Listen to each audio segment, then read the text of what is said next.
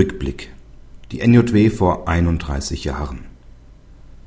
Das Thema schuldhaftes Versäumen von Fristen ist der Dauerbrenner für Rechtsanwälte.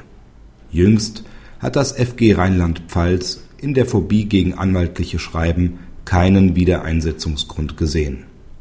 Das Gericht erblickte hierin keine schuldlose Versäumung der Frist. Die Klägerin hätte bei dieser nicht plötzlich eintretenden Krankheit früher Unterstützung erhalten und damit die Fristeinhaltung sicherstellen können. Diesen Einzelfall kann man sicher als skurril bezeichnen. Wesentlich grundsätzlicher und seriöser war das Problem, über das die NJW vor 31 Jahren berichtete. Das Bundesverfassungsgericht äußerte sich grundlegend in NJW 1977 Seite 1233. Verzögerungen der Briefbeförderung und Zustellung durch die Post können dem Rechtssuchenden in den Instanzen nicht als Verschulden zugerechnet werden.